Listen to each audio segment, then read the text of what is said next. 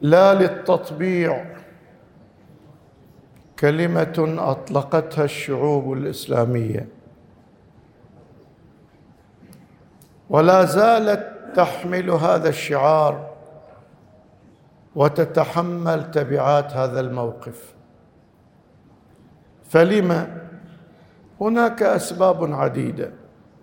سأذكر في هذا الحديث المختصر بعضها. السبب الأول أن هذا الكيان غاصب محتل مستبيح للحرمات.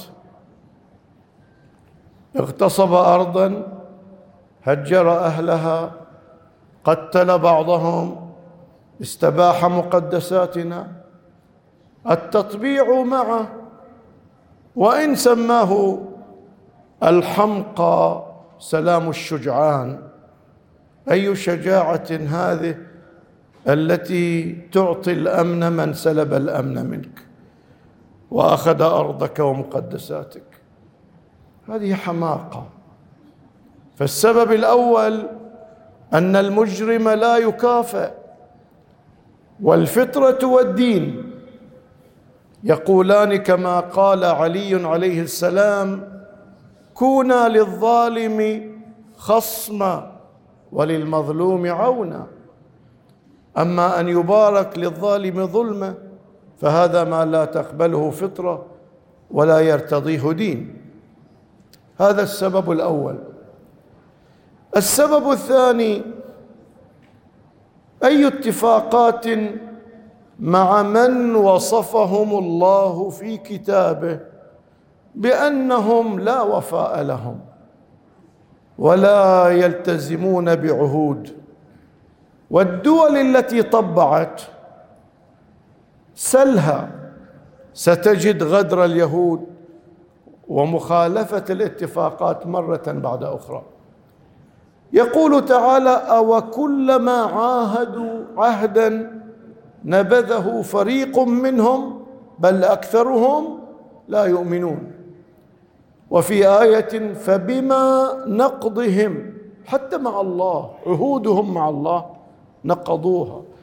فبما نقضهم ميثاقهم لعناهم وجعلنا قلوبهم قاسية يحرفون الكلمة عن مواضعه.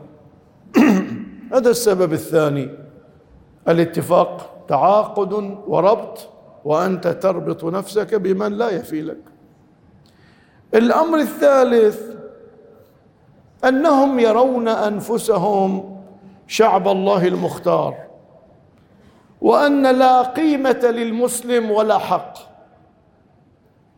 والقرآن أشار إلى هذه المسألة وهذا الشعور الذي يعيشه الشخص اليهودي.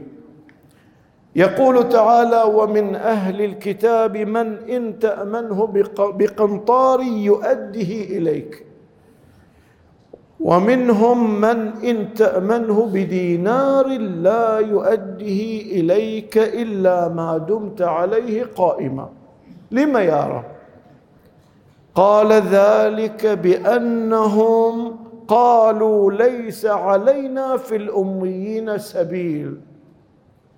يرون أنهم لهم أن يسرقوك ويقتلوك ويفعلوا ما شاءوا. ليس لك حق وليس لك كرامة. فالسلم معهم سلم من طرف أما من طرف الآخر هكذا لا تستحق الوفاء. فكيف يطرح التطبيع مع من هذه أخلاقياته وسلوكياته التي قال الله عنها في كتابه؟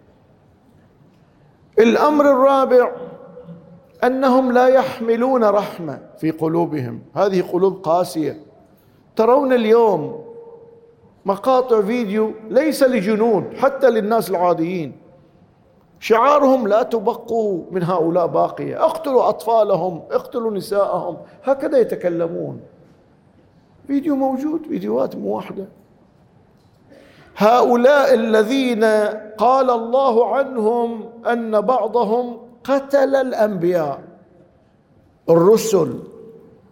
من يتجرأ على قتل نبي لا لا يتوقف عند طفل ولا امرأة ولا عند أحد. يقول تعالى ولقد آتينا موسى الكتاب وقفينا من بعده بالرسل وآتينا عيسى ابن مريم البينات وأيدناه بروح القدس.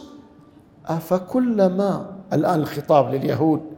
أفكلما جاءكم رسول بما لا تهوى أنفسكم بما لا تهوى أنفسكم استكبرتم ففريقا كذبتم وفريقا تقتلون. قتلت الأنبياء. وفي آية أخرى لقد أخذنا ميثاق بني إسرائيل. وأرسلنا إليهم رسلا كلما جاءهم رسول بما لا تهوى أنفسهم فريقا كذبوا وفريقا يقتلون. قتلت الأنبياء لن يرحموا طفلا ولا امرأة ولا شيخا. الأمر الخامس أنهم المفسدون في الأرض. اليوم تطرح أمور تنافي الفطرة. كالشذوذ الجنسي وأمثاله. ما الذي يصيغ عقول الناس وأفكارها بهذه الطريقة؟ إنه الإعلام.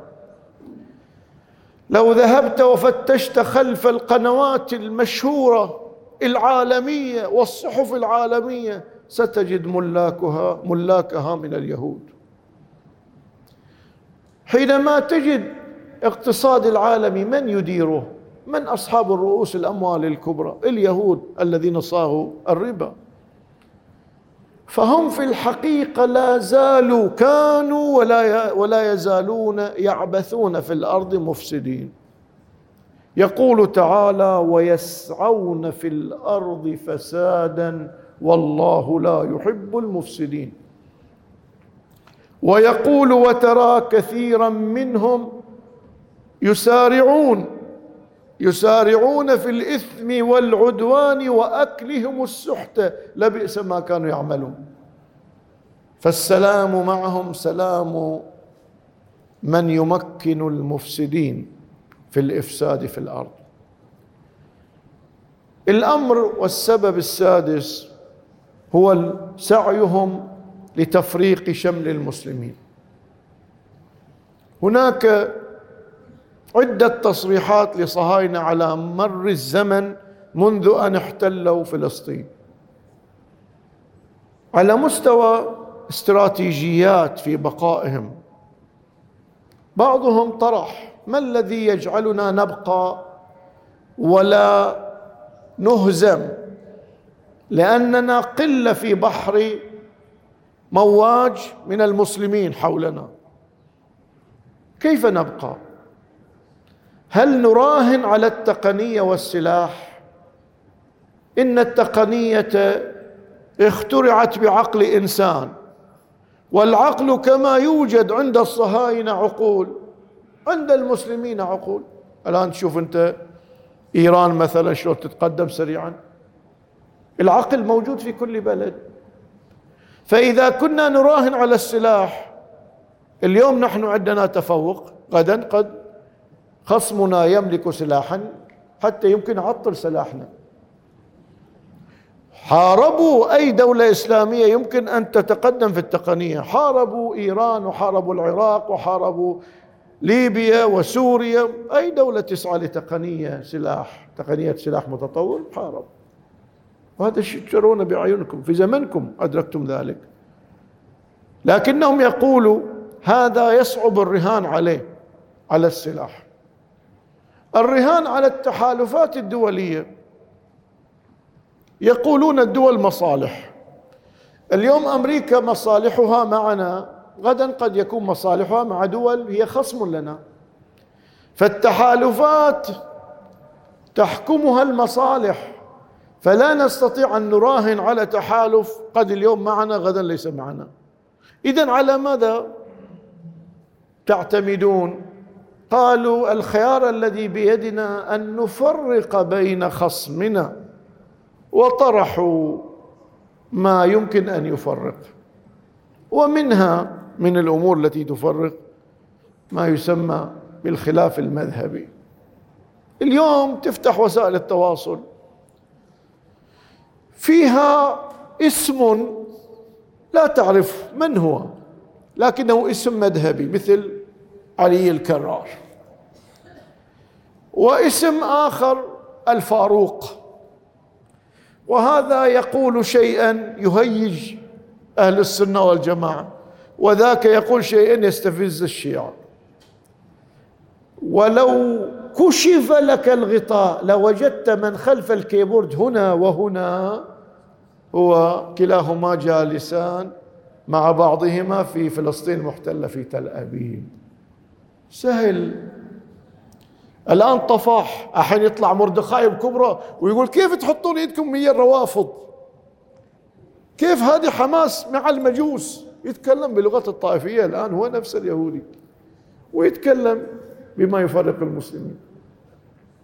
عندنا مغفلون عندنا مغفلون حتى عندنا في البلد يطلع لك واحد يقول هذه حماس وضعت يدها مع المجوس. قالوا ولا ما قالوا؟ بيقولون. وبيستمرون. لأن هناك من يستغفل بهذه الأمور فيغفل ويقف مواقف طائفية ينسى الهدف الرئيس. مو إحنا تربية أمير المؤمنين لا أسالمن ما سلمت أمور المسلمين. خلي الظلم يقع علي بس أنا عندي أهداف عليا. ما يمكن يستغفلون عنها. هو قاطع الخلفاء في البداية. لما شاف المنافقون شاف المنافقين برزوا ومن يترصد للإسلام ظهروا راح إلى الخلفاء واقترح عليهم وأشار عليهم لأنه يريد حفظ أصل الإسلام. وهذا شيء مهم وهدف مقدس. لو رجعنا إلى التاريخ لوجدنا أن التاريخ يسجل لليهود هذا الموقف. والرواية تقول أن هناك يهودي اسمه شاش بن قيس. شاش بن قيس. مر على نفر من الأوس والخزرج يتحدثون. قاعدين يسولفون يا بعض. حبايب في الجاهلية كان اليهود ضد الأن ضد الأوس والخزرج. الأوس ضد الخزرج والخزرج ضد الأوس وقتال بينهم. كان اليهود يستفتحون بالنبي صلى الله عليه وسلم. يقولون إذا الله بعث النبي الخاتم سنؤمن به وننتصر به عليكم. فلما أرسل النبي آمن الأوس والخزرج ولم يؤمن به اليهود. عكست الآية. والله عاتبهم في القرآن. الآن هذا يشوف الأوس والخزرج اللي هم كانوا خصوم لهم قاعدين حبايب يسولفون ببركة الإسلام. واذكروا نعمة الله عليكم إذ كنتم أعداء فألف بين قلوبكم. ألف الله. فغاضه ما رأى من تآلفهم بعد العداوة. فأمر شابا معه من اليهود أن يجلس بينهم بين الأوس والخزرج ويحدثهم ويذكرهم بيوم بعاث أيام حروبهم. شعر هؤلاء شعر هؤلاء اللي يهيج وقام قام بالمهمة. تقول الرواية فتنازعوا وتفاخروا حتى وثب رجلان. رجل من الأوس اسمه أوس بن قرض ورجل من الخزرج اسمه جبار أو جبار بن صخر.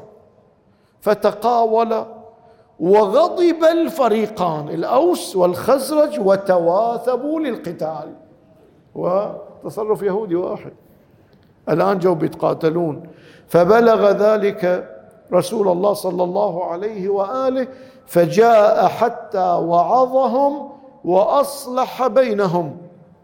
فسمعوا له وأطاعوا فأنزل الله في الأوس أوس ابن قرض وفي الخزرج جبار يا أيها الذين آمنوا إن تطيعوا فريقا من الذين أوتوا الكتاب يردوكم بعد إيمانكم كافرين وكيف تكفرون وأنتم تتلى عليكم آيات الله وفيكم رسوله ومن يعتصم بالله فقد هدي إلى صراط مستقيم. اذا هذا السلوك وهو التفرقة بين المسلمين ليس امرا جديدا بل هو موجود من بداية الإسلام. الأمر السابع والأخير أنهم لا يتمنون لنا الخير أبدا. يحسدوننا على الخير. وهذا المعنى طرحه القرآن قبل أربعة عشر قرنا. يقول تعالى ود يعني يتمنى يحب أهل, أهل الكتاب. ود كثير من أهل الكتاب. لو يردونكم من بعد إيمانكم كفارا. لم يا رب؟ قال حسدا من عند أنفسهم من بعد ما تبين لكم لو لهم لهم. يدرون أنتم على الحق. من بعد ما تبين لهم الحق. يدرون أن أنتم نلتون الحق. وسرتون على الحق يحسدونكم. لا يريدون لكم الخير. الآية الأخيرة. ما يود الذين كفروا من أهل الكتاب ولا المشركين أن ينزل عليكم من خير من ربكم. والله يختص برحمته ما يشاء والله ذو الفضل العظيم. إذا هذه سبعة أسباب وهناك غيرها. تجعل من الشعوب الإسلامية ترى أن الموقف الحق هو مواجهة هذا الكيان الغاصب. وعندها في تراثها الديني وعد بالنصر. وحتى اليهود يعرفون أن نهايتهم على يد المسلمين. يعرفون ذلك. وبالتالي إذا كنت موعودا بالنصر وإذا كان الحق معك على مستوى الدين على مستوى الفطرة على مستوى القوانين الدولية على كل المستويات. فلماذا تستغفل وتقول أنا اليوم شفت مقطع فيديو لواحد من من الشعوب الخليجية بل من البحرين؟ ممن طلع في سياق ما يسمى بالسلام مع إسرائيل. يقول ليش تتكلموا علي؟ هذا لأني بس أحب السلام وأحب ال... شنو تحب السلام؟ من هو ما يحب السلام في محله؟ نحب السلام إذا كان السلام ينصفنا. أما إذا كان السلام هو استسلام لمعتد فهذا استسلام وليس سلاما. لهذا سيبقى الشعوب الإسلامية مطالبين سيبقون مطالبين بحقهم في أرضهم وسيدعمون إخوانهم في فلسطين إلى آخر النفس وإن طبع من طبع. اللهم انصر إخواننا في فلسطين ودمر اعداءهم وأرنا في عدوهم. يا رب العالمين أستغفر الله لي ولكم والحمد لله رب العالمين. وصل اللهم على محمد وآله الطاهرين.